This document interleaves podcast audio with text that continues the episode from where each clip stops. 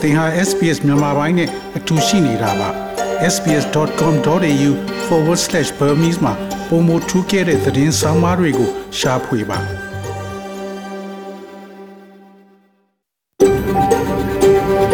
SBS, a world of difference. You're with SBS Burmese on mobile, online, and on radio.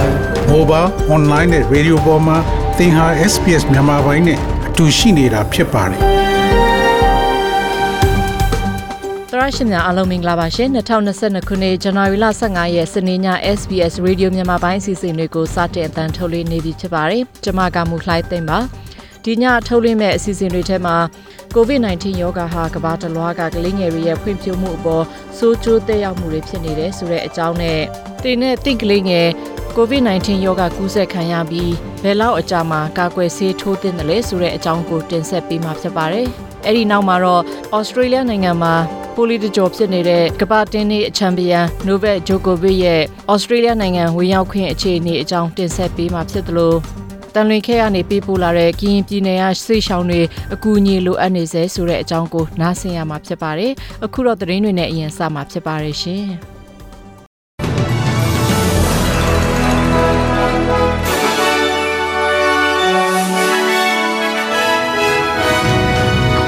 ကနေ့ထိတ်တန့်ရောက်နေတဲ့သတင်းတွေကတော့ကမ္ဘာနံပါတ်1 tennis ကစားသမား Novak Djokovic ဟာဒုတိယအကြိမ်မြောက်ဗီဇာဖျက်သိမ်းခံရပြီးမနေ့ဖန်မှာ Federal တရားရုံးမှာအယူခံဝင်ဖို့ရှိနေတယ်ဆိုတဲ့အကြောင်းပြီးခဲ့တဲ့သတင်းနှစ်ပတ်အတွင်း NUG အစိုးရအနေနဲ့ငွေတိုက်စာချုပ် American Dollar 3.6တန်းနီးပါးရောင်းချနိုင်ခဲ့တယ်ဆိုတဲ့အကြောင်းနဲ့ ဩစတြေးလျနိုင်ငံမှာအလုတ်သမားမလုံလောက်မှုဖြစ်နေတာကိုဖြေရှင်းတဲ့အနေနဲ့နိုင်ငံတကာចောင်းသားတွေကိုအကန့်အသတ်မဲ့အလုပ်လုပ်ခွင့်ပေးလိုက်တဲ့ဆိုတဲ့သတင်းတွေအပြင်တခြားထူးခြားတဲ့သတင်းတွေကိုလည်းနားဆင်ရမှာဖြစ်ပါတယ်ရှင်။ကမ္ဘာနံပါတ်1 tennis ကစားသမား Novak Djokovic ဟာဒုတိယအကြိမ်မြောက်ဗီဇာဖြတ်သိမ်းခံရပြီဖြစ်ပါတယ်။ အခုဆိုရင် Novak Djokovic ဟာဒီကနေ့မှာပဲသူ့ရှိနေနဲ့တွေ့ဆုံမှုအပြီး Melbourne မြို့က Park Hotel ကိုတွားရောက်ပြီးလူဝင်မှုကြီးကြပ်ရေးရာအရာထိန်းသိမ်းခံရတာဖြစ်ပါတယ်။မနက်ဖြန်တနင်္ဂနွေနေ့ကျရင် Federal တရားရုံးကသူ့အယူခံဝင်မှုကိုကြားနာမှာဖြစ်ပါတယ်။ဒီကိစ္စနဲ့ပတ်သက်ပြီးနောက်ပိုင်းမှာနားဆင်ရမှာဖြစ်ပါတယ်။ Federal ကျန်းမာရေးအာဏာပိုင်တွေက မကြာခင်ကာလအတွင်းဩစတြေးလျနိုင်ငံကပြည်내နဲ့ဒေသတချို့မှာ Omicron COVID-19 ရောဂါကူးစက်မှုအထူးအထိပ်ကိုရောက်ရှိပြီး ကူးစက်မှုနှုန်းကျလာဖို့ရှိတယ်လို့မျှော်လင့်နေကြပါတယ်။ကျန်းမာရေးအရာရှိချုပ် Paul Kelly ရဲ့အဆိုအရ New South Wales, Victoria နဲ့ Australian Capital Territory တို့မှာကူးစက်သူဦးရေကအထူးအထိပ်အနေအထားကိုရောက်နေပြီလို့ယူဆနိုင်ပြီးကူးစက်မှုနှုန်းကိုကျင့်ပြီးတော့ခန့်မှန်းထားတာလို့ဆိုပါတယ်။မကြာခင်သတင်းပတ်တွေအတွင်းကူးစက်သူဦးရေကျဆင်းလာမယ့်အနေအထားရှိတယ်လို့ပြောပါတယ်။ နောက်ကိုဗစ်သတင်းတစ်ပုဒ်မှာတော့ကျန်းမာရေးဝန်ကြီး Greg Hunt ရဲ့အဆိုအရလာမယ့်10ရက်အတွင်း Australia နိုင်ငံက Therapeutic Goods and Administration အဖွဲ့ကနေ Novavax COVID-19 ကာကွယ်ဆေးကို Australia နိုင်ငံမှာအသုံးပြုခွင့်ပေးသင့်မသင့်ဆုံးဖြတ်ချက်ချနိုင်တယ်လို့ပြောဆိုသွားခဲ့ပါတယ်။ Australia နိုင်ငံမှာ AstraZeneca အပြင် Pfizer နဲ့ Moderna ကာကွယ်ဆေးတွေထိုးပေးနေတာဖြစ်ပြီး Pfizer နဲ့ Moderna ကာကွယ်ဆေးတွေအလုံလောက်ရရှိဖို့အစိုးရအနေနဲ့လှုံ့ဆော်နေဆဲဖြစ်တယ်လို့ပြောပါတယ်။ Australia နိုင်ငံမှာအခုလောလောဆယ်16နှစ်နဲ့အထက်ရှိသူလူဦးရေ65ရာခိုင်နှုန်းဟာ COVID-19 ကာကွယ်ဆေးပထမတစ်ချောင်းကိုထိုးပြီးသွားကြပြီလို့သိရပြီးလူဦးရေ92.5ကတော့နှစ်ချောင်းစလုံးထိုးပြီးကြသူတွေဖြစ်ပါတယ်။ လူဦးရေ52.6ရာခိုင်နှုန်းကတော့တတိယမြောက် booster dose ကိုထိုးပြီးကြပြီလို့သိရပါတယ်။ ဩစတြေးလျနိုင်ငံတလွှားမှာဖြစ်နေတဲ့ COVID-19 အခြေအနေကိုဆက်ရမယ်ဆိုရင်တော့ New South Wales ပြည်နယ်မှာဒီကနေ့ COVID-19 ကူးစက်ခံရသူ48,968ဦးရှိပြီး20သေဆုံးခဲ့ရပါတယ်။လူပေါင်း2,586ဦးဆေးရုံတင်ထားရပြီးအဲ့ဒီထဲက193ဦးဟာအထူးကြပ်မဆောင်မှာကုသခံနေရပြီး58ဦးကတော့ ventilator ကိုအသုံးပြုနေရတာဖြစ်ပါတယ်။ ဗစ်တိုးရီးယားပြည်နယ်မှာတော့ကူးစက်သူ2529ဦးရှိပြီး23ဦးသေဆုံးခဲ့ရပါတယ်။ပြည်နယ်အစိုးရကအသေးစားလုပ်ငန်းရှင်တွေကိုဗစ်ကြောင့်ထိခိုက်နေတာနေရတာများလွန်းတဲ့အတွက်ဆိုင်ငါးရန်ခမပေးနိုင်ရင်မောင်းချပိုင်ခွင့်မရှိဘူးဆိုတဲ့သတ်မှတ်ချက်ကိုထပ်မံတည်တံတိုးပေးလိုက်ပြီးဖြစ်ပါတယ်။ New South Wales ပြည်နယ်မှာလည်းအလားတူလှုပ်ဆောင်ပေးဖို့ရှိပါတယ်။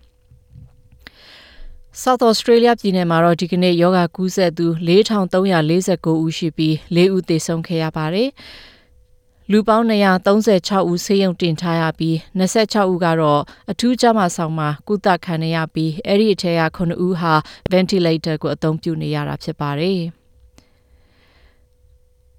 ACT မှာတော့ဒီကနေ့ကူးစက်သူ1320ရှိပြီးအယောက်30ဆေးရုံတင်ထားရပြီးတော့3ဦးကတော့ ventilator ကိုအသုံးပြုနေရတယ်လို့သိရပါတယ်။ Northern Territory မှာတော့ဒီကနေ့ယောဂကူးစက်သူ412ဦးရှိပြီးတဦးသေဆုံးခဲ့ရပါတယ်။ဒါဟာ Northern Territory အတွက်ဒုတိယမြောက်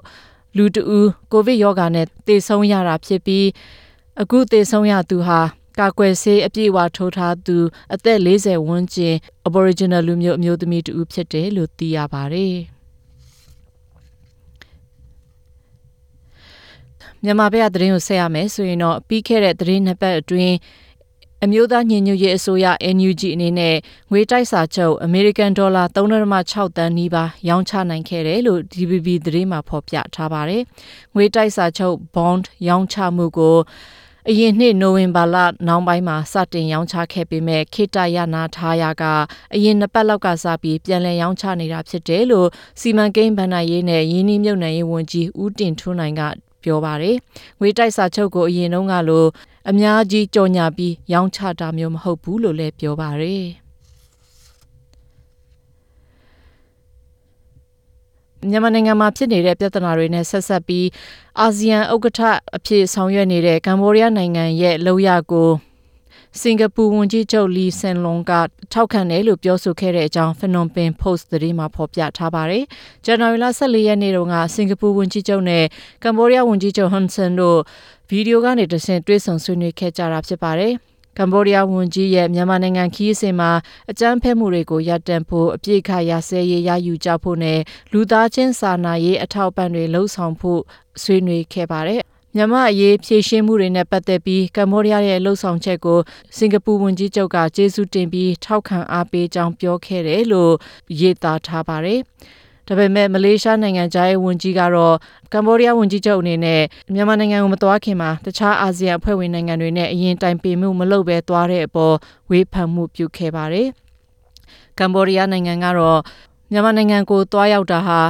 မြန်မာစစ်ကောင်စီကိုအတိအမှပြုတဲ့ခီးစဉ်မဟုတ်ဘဲတန်တမန်ဆက်ဆံရေးအတွက်သွားချင်းတာဖြစ်တယ်လို့တုံ့ပြန်ထားပါတယ်။ ဩစတြေးလျနိုင်ငံမှာအလုသမားမလုံလောက်မှုဖြစ်နေတာကိုဖြေရှင်းတဲ့အနေနဲ့နိုင်ငံတကာအကြောင်းသားတွေကိုအကန့်အသတ်မဲ့အလုပ်လုပ်ခွင့်ပေးတဲ့အပေါ်ကြိုးဆိုနေကြပါတယ်။အရင်တုန်းကနိုင်ငံတကာចောင်းသားတွေဟာနှစ်ပတ်မှာနိုင်ပေါင်း40သာအလုပ်လုပ်ခွင့်ရတာဖြစ်ပေမဲ့အခုဆိုရင်အဲ့ဒီသတ်မှတ်ချက်တွေကိုယာယီပယ်ဖျက်ပေးလိုက်တာဖြစ်ပါတယ်။အဲ့ဒါအပြင်အလုပ်သမားမလုံလောက်မှုဖြစ်နေတာကိုဖြေရှင်းတဲ့အနေနဲ့ဩစတြေးလျနိုင်ငံမှာ ယောဂရှိရှိသူနဲ့ထိတွေ့ဆက်ဆံသူ close contact မှာအပြောင်းလဲတွေလှုံ့ဆော်ပေးလိုက်ပြီဖြစ်ပါတယ်။အခုဆိုရင်ယောဂရှိသူနဲ့ထိတွေ့သူတွေဟာမိမိဘာသာယောဂရှိမရှိအိမ်မှာစစ်ဆေးပြီးယောဂမရှိကြောင်းပြသတာနဲ့အလုပ်ပြန်ဝင်နိုင်မှာဖြစ်ပါတယ်။လုပ်ငန်းအားလုံးအတွက် shop ပေါ်ပေးတာမဟုတ်ပေမဲ့လည်းလုပ်ငန်းအများအပြားအတွက် shop ပေါ်ပေးလိုက်တာဖြစ်ပြီးအဲ့ဒီအထဲမှာ trucker လုပ်ငန်းထောက်ပံ့ပို့ဆောင်ရေးလုပ်ငန်း၊ကျန်းမာရေး၊စွမ်းအင် အစားအသောက်ပို့ဆောင်ရေးလုပ်ငန်း telecommunication လုပ်ငန်း media လုပ်ငန်းပညာရေးလုပ်ငန်းနဲ့ child care လုပ်ငန်းတွေက close contact တွေအတွက်လည်းဖြေလျှော့မှုလုပ်ပေးလိုက်တာဖြစ်ပါတယ်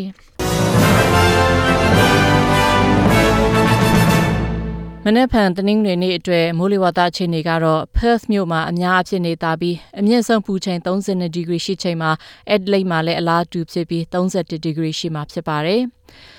မဲလ်ဘန်မြို့မှာလည်း တိမ်တွေကင်းရှင်းပြီး28ဒီဂရီရှိချိန်မှာဟိုဘတ်မြို့မှာတော့တိမ်အတင့်အတင်ထူပြီး24ဒီဂရီရှိမှာဖြစ်ပါတယ်။ကင်မရာမြို့မှာလည်းတိမ်ထူပြီး29ဒီဂရီရှိချိန်မှာဆစ်ဒနီမြို့မှာလည်းတိမ်အတင့်အတင်ထူပြီးတော့28ဒီဂရီရှိမှာဖြစ်ပါတယ်။ Brisbane မြို့မှာလည်းတချို့နေရာတိမ်ထူပြီးအမြင့်ဆုံး33ဒီဂရီရှိချိန်မှာ Darwin မြို့မှာမိုးရွာလေပြင်းနိုင်ပြီးတော့အမြင့်ဆုံးပူချိန်30ဒီဂရီရှိမှာဖြစ်ပါတယ်ရှင်။